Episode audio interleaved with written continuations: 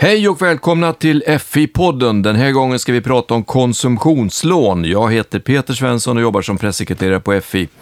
Och med mig här i studion har jag en kollega från Finansinspektionen och dessutom gäster från två andra myndigheter, nämligen Konsumentverket och Kronofogden. Eh, ja, vi börjar med att ni får presentera er. Vad heter ni och vad jobbar ni med? Jag heter Anna Hult och jag jobbar som ri- jurist på Konsumentverket med inriktning på krediter och betaltjänster. Jag heter Johan Krantz, eh, jobbar på Kronofogden som analytiker. Och jag heter Micke Andersson och jobbar på Finansinspektionen. Jag har varit med och skrivit rapporten om konsumtionslån. Ja, och det här är då tre myndigheter som samarbetar en, en del. Vad är det för samarbete, Anna? Det är lite olika samarbeten, men bland annat så har vi under de senaste åren här jobbat i ett projekt som heter överskuldsättningsprojektet, där, Konsumentverket har haft ett uppdrag från regeringen eh, att jobba mot överskuldsättning och har gjort det tillsammans med Finansinspektionen och Kronofogden. Eh, och sen har vi samverkan på många andra områden också, både vad gäller utbildning och vad gäller tillsyn. Och just det här samverkansprojektet är, är ju väldigt viktigt, för vi, vi ser ju idag att eh, många personer har eh, problem att betala sina skulder och hamnar hos Kronofogden. Okej, och nu ska vi alltså prata om konsumtionslån. Eh, vad menar vi när vi säger konsumtionslån? Micke? Eh, Finansinspektionen menar alla lån som inte är bolån. Så det finns alltså olika typer av konsumtionslån. Ja, Som- dels så är det de som har övrig säkerhet, bil eller båt till exempel. Sen finns det den typen av lån som du tar när du köper en vara på avbetalning på internet. Eller ditt kreditkort är också en form av lån. Och slutligen har vi det traditionella lånet utan säkerhet, det som heter blankolån. Och sen kan vi också stoppa in högkostnadskrediterna där. De som förut kallades, eh, eller i folkmun, för snabblån. Eh, Det är också ett, en, ett konsumtionslån och då ett lån utan säkerhet. Kan man, eh, kan man säga att det finns bra lån och dåliga lån? Ja, alltså det kan man väl säkert göra, men ut, det är, till syvende och sist är det konsumenten själv som måste avgöra om lånet är bra eller dåligt för den själv. Men vad är ett bra eller dåligt lån? Det kan man ju till exempel titta på kostnaden och räntan för krediten kan ju vara någonting som avgör om lånet är bra eller dåligt. Ja, egentligen kan man säga att ett lån du inte kan betala, det är ju inte bra. Men, men ska man säga så här, det, är- det är precis som det är. Ehm, eh, lån är bra, för man, man kan använda lån till, till olika typer av, av eh, kanske investeringar eller eh, köpa kapitalvaror och liknande. Eh, men det finns ju också då, så att säga, lån till vardagskonsumtion och där får man väl kanske vara lite mer försiktig. Eh, Det är lite som Johan är inne på att man vet egentligen först efteråt om ett lån var dåligt. Så därför är det viktigt när lånen ges att de prövas. Att låntagarens ekonomi prövas före för att se om låntagaren har tillräckliga marginaler för att bära kostnaden för lånet. Mm. Och eh, Finansinspektionen har ju då eh, nyligen eh, släppt en rapport om konsumtionslån. Vad, vad visar den? Lite kort kan vi säga att de flesta konsumtionslånen är små och kostar mycket relativt sin storlek. Men det är de största lånen som växer snabbast. Vad som är bra i det sammanhanget är att de många stora lån tas av hushåll med goda inkomster. Men varför intresserar sig FI för konsumtionslån? Eh, det ligger väldigt nära våra uppdrag och våra uppdrag är finansiell stabilitet och konsumentskyddet på de finansiella marknaderna och där kommer lån in i båda de uppdragen. För Konsumentverkets del? Vi har ju också konsumentskydd som, som en stor del i, i, av vårt uppdrag. Det handlar om medvetna och säkra konsumenter och att man kan göra rätt val på marknaden. Eh, och ser vi att det är marknadsföring och avtalsvillkor eller att en kreditprövning inte genomförs så är inte marknaden säker för konsumenter. Och då har Konsumentverket i uppdrag att se till att marknaden förbättras. Ja, och för Kronofogden, det är ju så att säga, lån är ju eh, ja, en av de skuldtyper som i slutändan hamnar hos, eh, hos Kronofogden. Och, och där rör det sig oftast eh, om, om väldigt stora belopp. Vem kan hamna hos Kronofogden? Ja, I princip kan man säga att vem som helst kan hamna hos, eh, hos Kronofogden. Eh, för man kan idag ha en väldigt bra och god ekonomi, men så, så händer det olika typer av livshändelser. Man kan bli sjuk, arbetslös, skilja sig eh, och helt plötsligt så står man inför en helt ny ekonomisk situation där man faktiskt inte klarar av att betala de åtaganden man har. Har, vet man vilken betydelse konsumtionslån har när det gäller att man inte klarar av att betala lån? Hamnar hos er? Ja, man, man kan inte... Det är väl där vi, vi så att säga inte riktigt har eh, fått fram den exaktheten eftersom vi vet inte alltid om det är så att säga att man har tagit lånen eh, som gör att man hamnar i problem eller att man faktiskt tar lån för att lösa de likviditetsproblem man har och hamnar liksom i en ond spiral. Och här är ju den här kreditprövningen till att börja med väldigt, väldigt viktig. Men det svåra är ju, precis som Johan säger, att det kan hända någonting på vägen. Att när konsumenten beviljades en kredit med en bra kreditprövning, där man kollade om konsumenten har en framtida återbetalningsförmåga, så kan det ju hända någonting därefter som påverkar och som gör att konsumenten kanske också måste göra ett val. Vilka, vilka skulder ska jag betala på? Är det viktigare för mig att betala hyran för, för min lägenhet än att betala på, på lånet? Eh, Finansinspektionens roll när det gäller skulder är ju lånen i huvudsak. De andra två myndigheterna här har ju med ett övergripande ansvar för skulder i stort. Och skulder kan ju vara, förutom det Johan har sagt, även så abonnemang du har tagit på dig. Det kan vara att du har köpt en mobiltelefon på avbetalning. Och det kan vara skatteskulder och trafikskulder. Men det är lånen som är Finansinspektionens intresse. Och då är det viktigt att vi tar reda på vad betyder lånen och det måste vi göra tillsammans alla tre myndigheterna tror jag. Och när vi väl har slagit fast betydelsen av lånen så ska vi titta, uppstår det något problem på grund av lånen? Och sen i ett sista steg fundera på, kan vi göra något åt eventuella problem? Och här tycker jag Micke är inne på ett jättebra spår. Det här är någonting som vi måste titta på tillsammans. Eh, hur påverkar konsumentens beteende eh, den vardagsekonomin?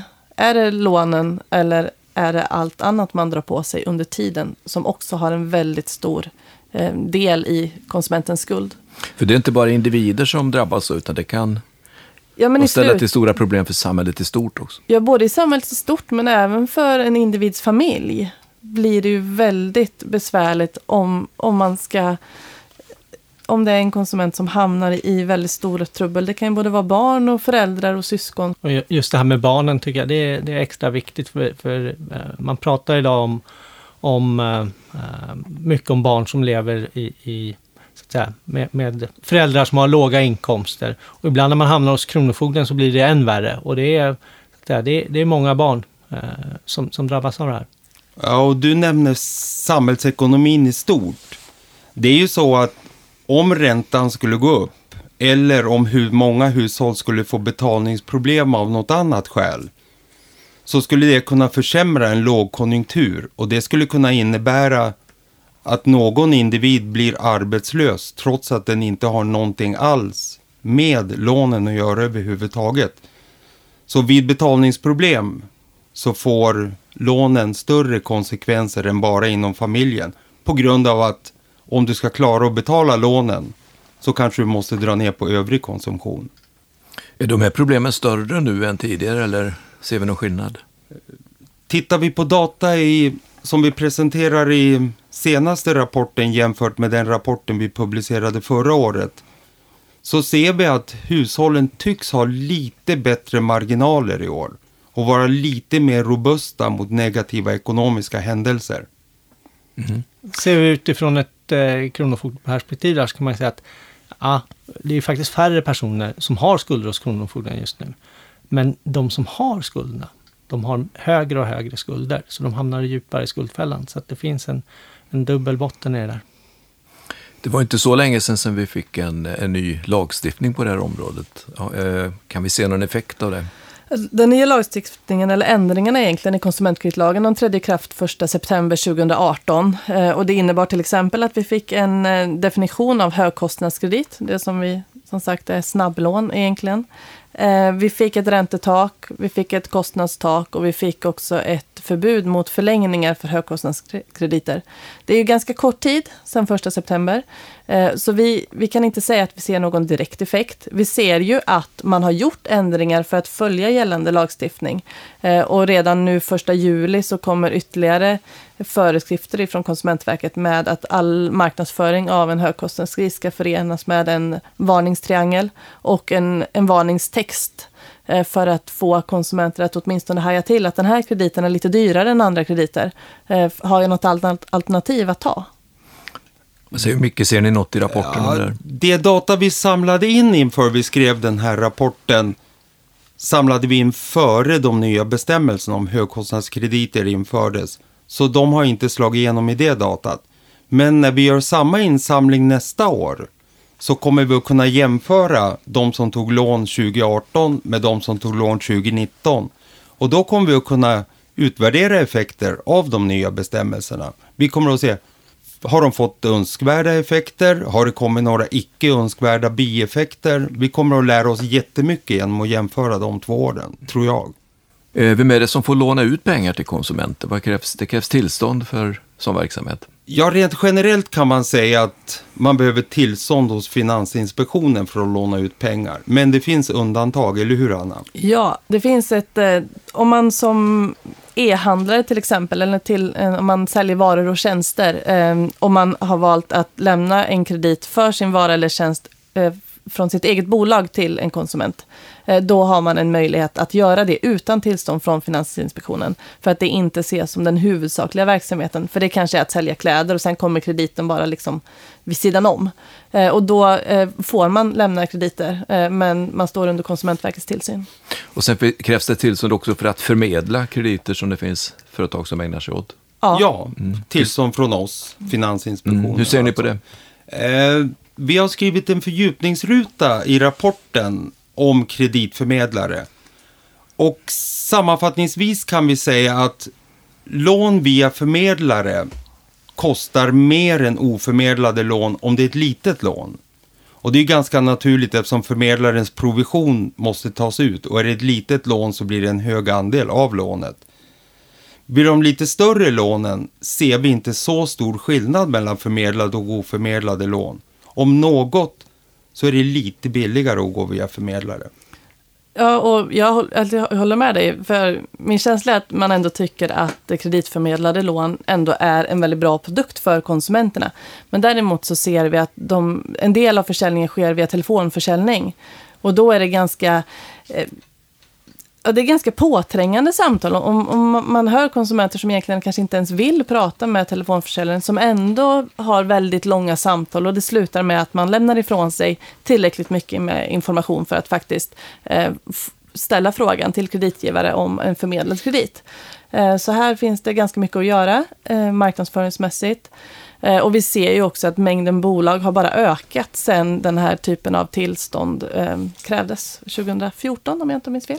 Och ni på Konsumentverket har, tillsyn när det gäller marknadsföringen? Mm, av alla kreditgivare och eh, avtalsvillkoren. Och där mm. innefattar också då kreditförmedlarna. Eh, och det här är ett arbete som, som är ganska, det, det, är ganska svårt. Det har blivit svårare tycker jag sen jag började jobba. Eh, för förut var reklamen på trottoarpratare eller i tunnelbanan eller eller på tvn. Eh, idag ser man den i, i social media, man ser den i din egen mobil och det, då beror det på konsumentens beteendemönster.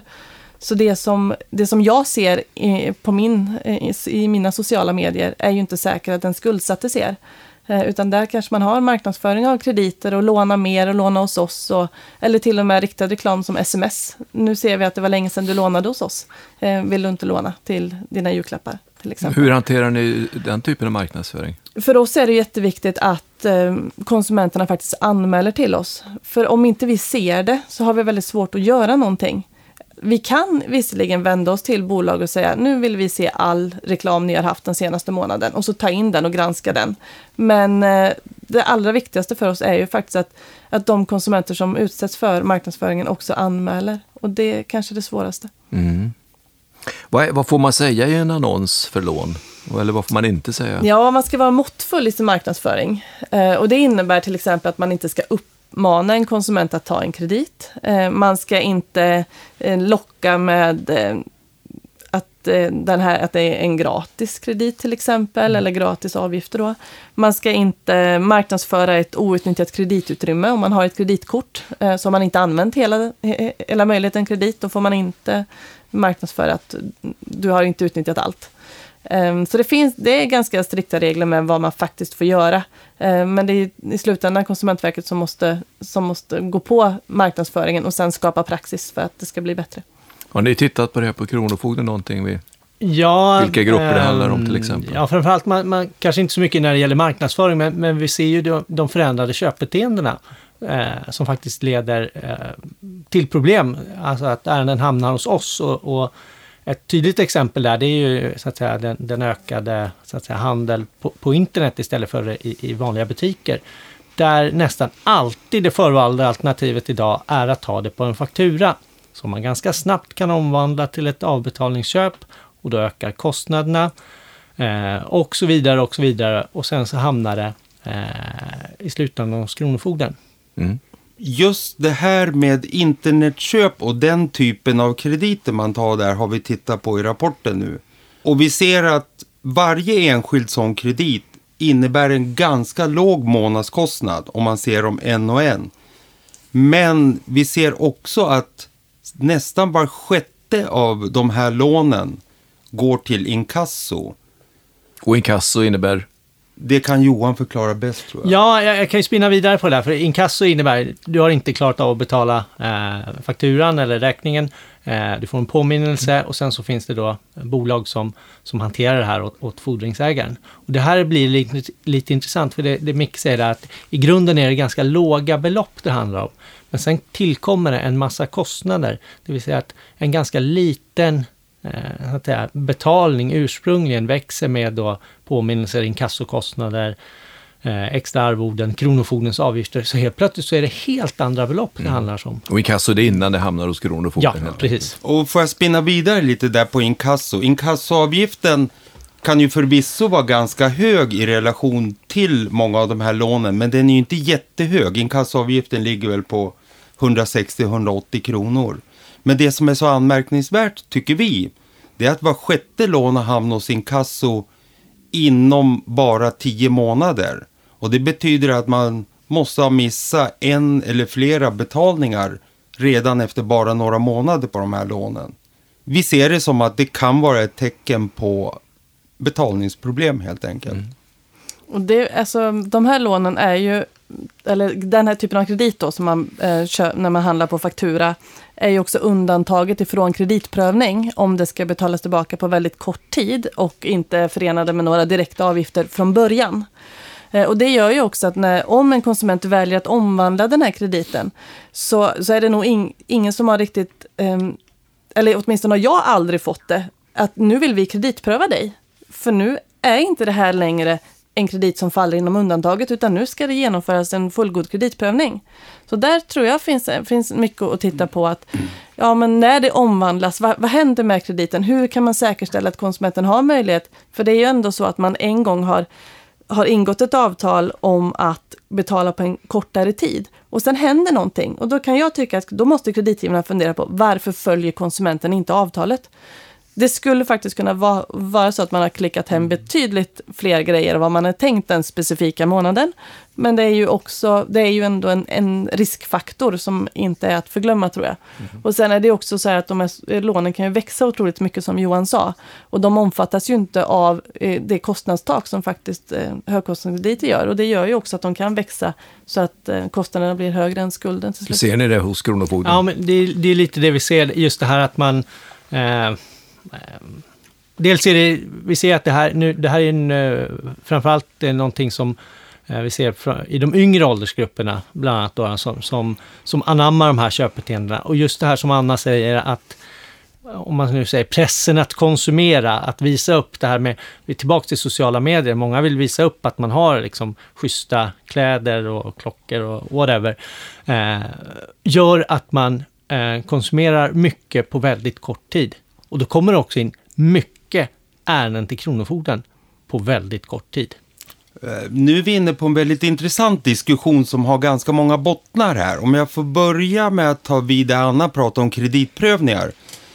Så det är bra kreditprövning att ställa utgifter mot inkomster för att göra en bedömning om låntagaren kan betala på de här lånen. Men samtidigt, om det är ett väldigt litet lån, säg att 300 kronor, 500 kronor, att då göra en kreditprövning kostar några hundra kronor kanske att göra, så då tillkommer det ytterligare en kostnad där. Så för de minsta lånen så är det liksom en svår avvägning. Hur, hur viktig är kreditbedömningen och hur viktigt är det att inte lägga extra kostnader? För det skulle bli ytterligare bara en kostnad som i värsta fall kan läggas till påminnelseavgift, inkassoavgifter och Ja, det är svårt. Ja, det är en jättesvår fråga, för det är ändå det, till syvende och sist den här konsumenten man vill värna. Eh, att det ska vara säkert för just den konsumenten. Och, eh, men man kan ju också tänka sig att om det är många krediter hos en och samma kreditgivare som fallerar, eh, då kanske man verkligen borde, ja, men här måste vi kreditpröva, för här är det någonting som händer. Ehm, men det där är ju någonting som, det är någonting att bita i för myndigheterna. Eh, att ha en, titta på det här. Ja, det, det, är ju viktigt att låntagaren klarar sina kassaflöden. Och sen är det ju viktigt att vi inte lägger in för mycket ineffektivitet i det. Eh, Micke, FI skriver i rapporten att bolånetaket och amorteringskraven till viss del kan ha bidragit till att stora konsumtionslån i högre utsträckning används för bostadsändamål. Eh, vet ni hur mycket det skulle vara i så fall? Eh, vi har ju sett att stora konsumtionslån har växt ganska mycket de senaste tio åren. Och det sammanfaller ju med att vi har infört bolånetaket och de två amorteringskraven. Så det kan inte uteslutas att vissa bolånetagare väljer att delfinansiera sin bostad med hjälp av blankolån. Och det finns lite olika orsaker till det. Ni kan titta mer i rapporten. Men framförallt tror vi att de stora blankolånen har växt på grund av det goda konjunkturläget. Och vi såg samma sak före finanskrisen också i den högkonjunkturen. Och då kan man ju säga att där finns det ju risker. För vi såg i den högkonjunkturen, när den vände neråt, att då fick folk problem att betala sina blankolån och man hamnar hos Kronofogden. Så det är någonting vi måste hålla mycket koll på framöver.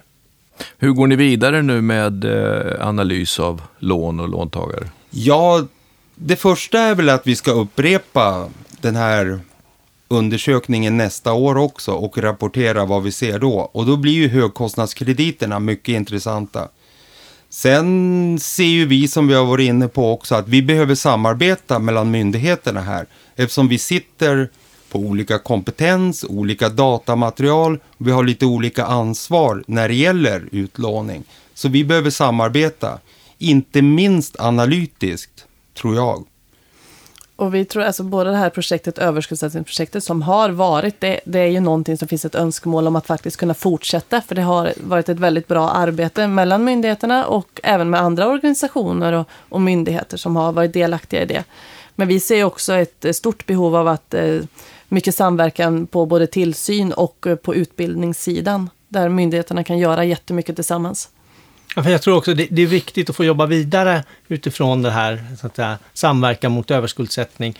Det, det har ju också varit mycket att, eh, att eh, om man säger, få de som redan har hamnat i problemen så att säga, på, på rätt köl genom så att säga, olika åtgärder. Men jag tror att, att vrida det här vidare i ett, också ett analysperspektiv för att mer börja titta på vilka är de här så att säga, vilka är orsakerna? Vad är triggers för att, för att man, man hamnar i de här delarna? Det är just därför som jag tror att det är jättebra att vi eh, nu så att säga, fördjupar en samverkan inom analysdelen också bland annat. Och därmed är vår tid ute för den här gången. Du kan läsa FIs rapport om konsumtionslån på fi.se blanco 19, blanco stavas med C. Och eh, FI har också en annan poddserie som handlar om privatekonomi och som vänder sig till konsumenter. Privatekonomi med Finansinspektionen heter den. Och där har vi nu ett nytt avsnitt som heter Skuld, pengatrubbel runt hörnet. Och eh, den handlar om att undvika och att ta sig ur en skuldfälla. Missa inte den podden heller. Hej då!